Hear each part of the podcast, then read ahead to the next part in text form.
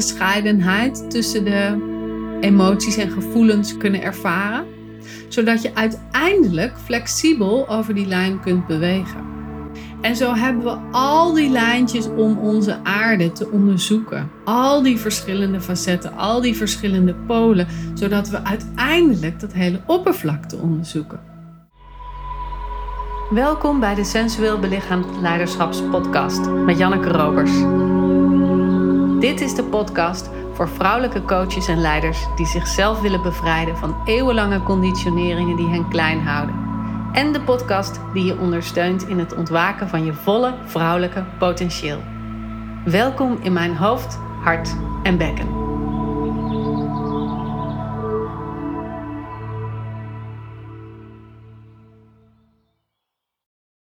Van de week had ik een podcast-interview met Sabine Nandel, die mij interviewde over hoe ik aankijk tegen werk en tegen vrouwelijk leiderschap. En zij is een business coach en een opsteller en we hadden een superleuk gesprek. En je kunt het vast binnenkort horen. En na afloop zei ik tegen haar dat ik het zo ontzettend leuk vind dat die contradicties die in haar zitten zo naar voren komen. Zo heeft ze bijvoorbeeld ontzettend veel zichtbare tatoeages maar kleedt ze zich af en toe ook heel Parisien en bijna tuttig. En houdt ze ervan om met de blote voeten in de natuur te lopen, maar is ze ook een keiharde werker. Is ze een op en top mam van drie dochters, maar ook een zakenvrouw. En zij ervaarde dat als heel contradictieachtig, terwijl ik het meer ervaarde als voluit, als heel, als compleet. En er werd een leuk gesprekje en toen dacht ik van hé, hey, daar moet ik het eens over hebben met je. Omdat ik dit vaak zie bij mijn vrouwen, maar ook bij klanten en ook in mijn dagelijkse leven. Dat vrouwen het idee hebben dat delen van hen er niet mogen zijn. En dat uit zich in het gevoel van gemis, het gevoel van oncompleet zijn, zich in de bochten moeten wringen om op een bepaalde manier zich te presenteren of te gedragen of te doen of te ervaren. En het gevoel dat ze niet hun totale potentieel kunnen laten zien of tot bloei kunnen laten komen. En dus zelf niet helemaal tot hun recht komen. En dat is zo'n pijnlijke ervaring. En dat komt hieruit. Het komt uit dat stuk dat we zoveel verschillende facetten zijn. En dan bedoel ik geen polariteiten. Ik heb het vaak over de polariteit van mannelijke en vrouwelijke energie. En dat het een lijn is waarop we ons bevinden. En dat het niet gaat over het een of het ander zijn, maar de flexibele beweging daarin te vinden. Wat ik eigenlijk een mooier beeld vind in dit perspectief, is dat we een aarde zijn. We zijn een ronde bol, als het ware, met verschillende polen erop. En de ene pol is de tegenovergestelde van de andere pol. Maar je wil niet alleen die twee polen zijn, je wil de hele aarde omvatten. Maar wat er vaak gebeurt door onze opvoeding, door de maatschappij waar we in leven, door misschien wel het vak dat we gekozen hebben, of de vrienden die we hebben, of wat dan ook in onze omgeving of in onszelf, zijn er stukken van onze aarde, om het zo maar te zeggen, die we niet kunnen of mogen betreden. Dus bijvoorbeeld Zuid-Amerika is echt taboe. Daar mag je niet komen. Dat is een gevaarlijk deel van jouw aarde, dus blijf daar weg. En ondertussen is Japan bijvoorbeeld een heel dicht begroeid oerwoud. Je mag er wel komen, maar het is echt heel onontgonnen terrein. Dus ja, wat heb je daar dan te zoeken? En is Centraal-Afrika een plek waar ooit oorlog is geweest, waar ooit bommen zijn gelegd en ja, daar wil je eigenlijk niet naar terugkeren. Dus ook dat wordt een gat in jouw aarde. En zo krijg je dus maar een beperkt deel van jouw aarde in zicht. En een beperkt deel is maar leefbaar. Waardoor je dus het gevoel hebt van hé, hey, Ik omarm niet mijn hele potentieel. Ik kan niet alle grondstoffen die daarin zitten gebruiken, omdat er gewoon gaten zijn op die aarde, op die landkaart die ik helemaal ben. En om dat wat praktischer te maken, als je bijvoorbeeld kijkt naar de opvoeding, dan is zo'n heel standaard dingetje dat we leren: jongens horen niet te huilen en meisjes horen niet sletterig te zijn. Dus voor jongens zal dan het kwetsbaar zijn, het huilen, het gevoelens laten tonen, onontgonnen gebied zijn. En voor meisjes is dat sletterige, het seksuele, het sensuele is onontgonnen gebied. En dus een plek waar we niet komen. Dat is om even het een beetje tastbaarder te maken. Niet dat ik nou zeg dat het zo hoort, maar dit is zo'n algemeniteit die veel gebruikt wordt, maar waar we gelukkig ook steeds meer van afkomen, want het is helemaal niet waar.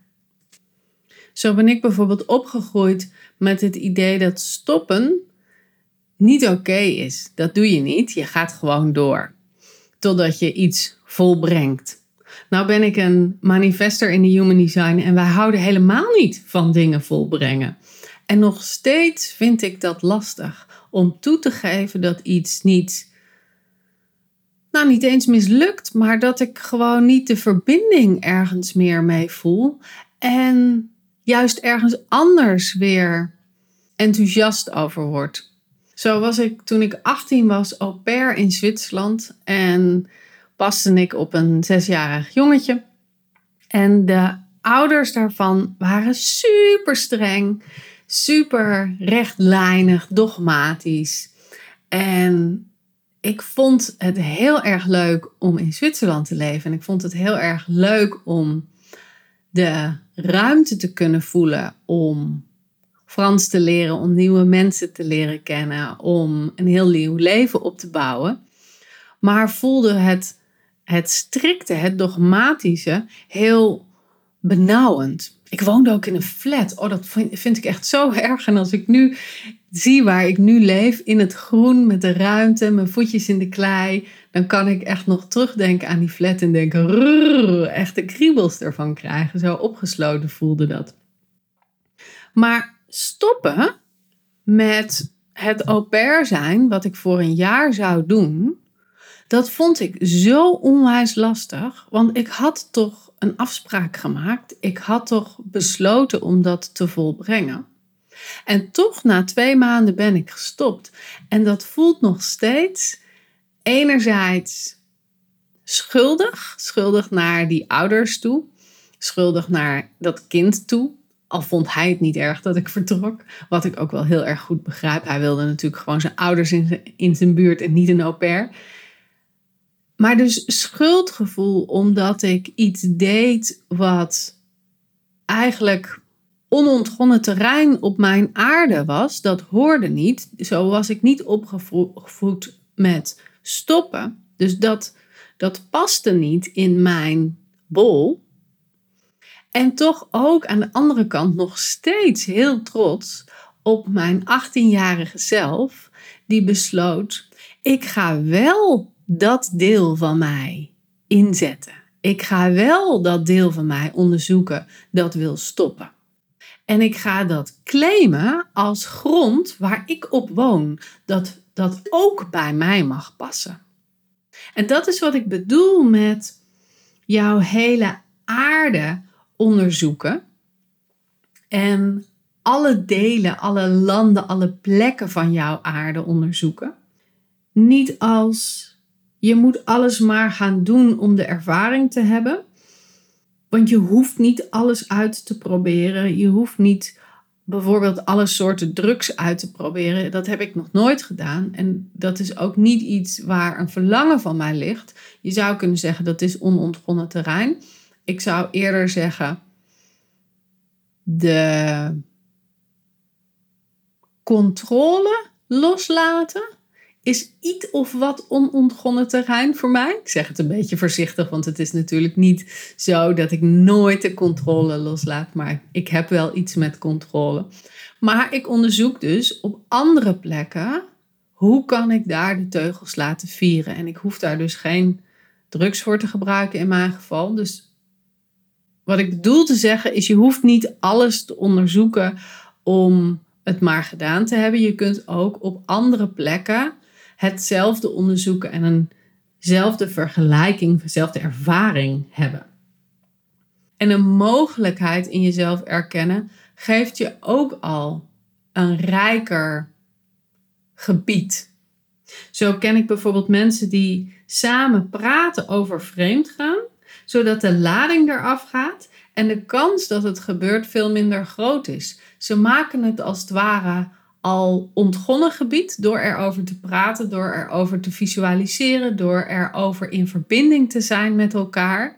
En dan hoeven ze niet de stap te nemen om dat daadwerkelijk te doen, om die ervaring al tastbaarder te maken. Vind ik eigenlijk een hele mooie. Want de dingen waarvan we zeggen dat zouden we nooit doen of dat mag niet, zet je buiten jezelf en worden daardoor op een bepaalde manier magnetisch. Ik wil niet zeggen aantrekkelijker, maar wel iets wat op de onderlaag heel erg mee gaat spelen.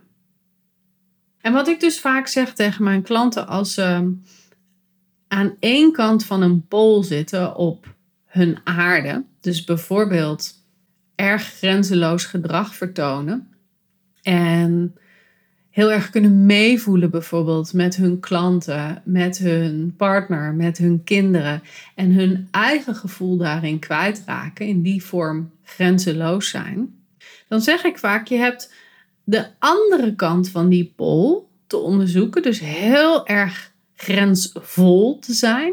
Heel erg op je grenzen te zitten. Heel erg ik ben ik, jij bent jij. Heel erg die afgescheidenheid tussen de emoties en gevoelens kunnen ervaren.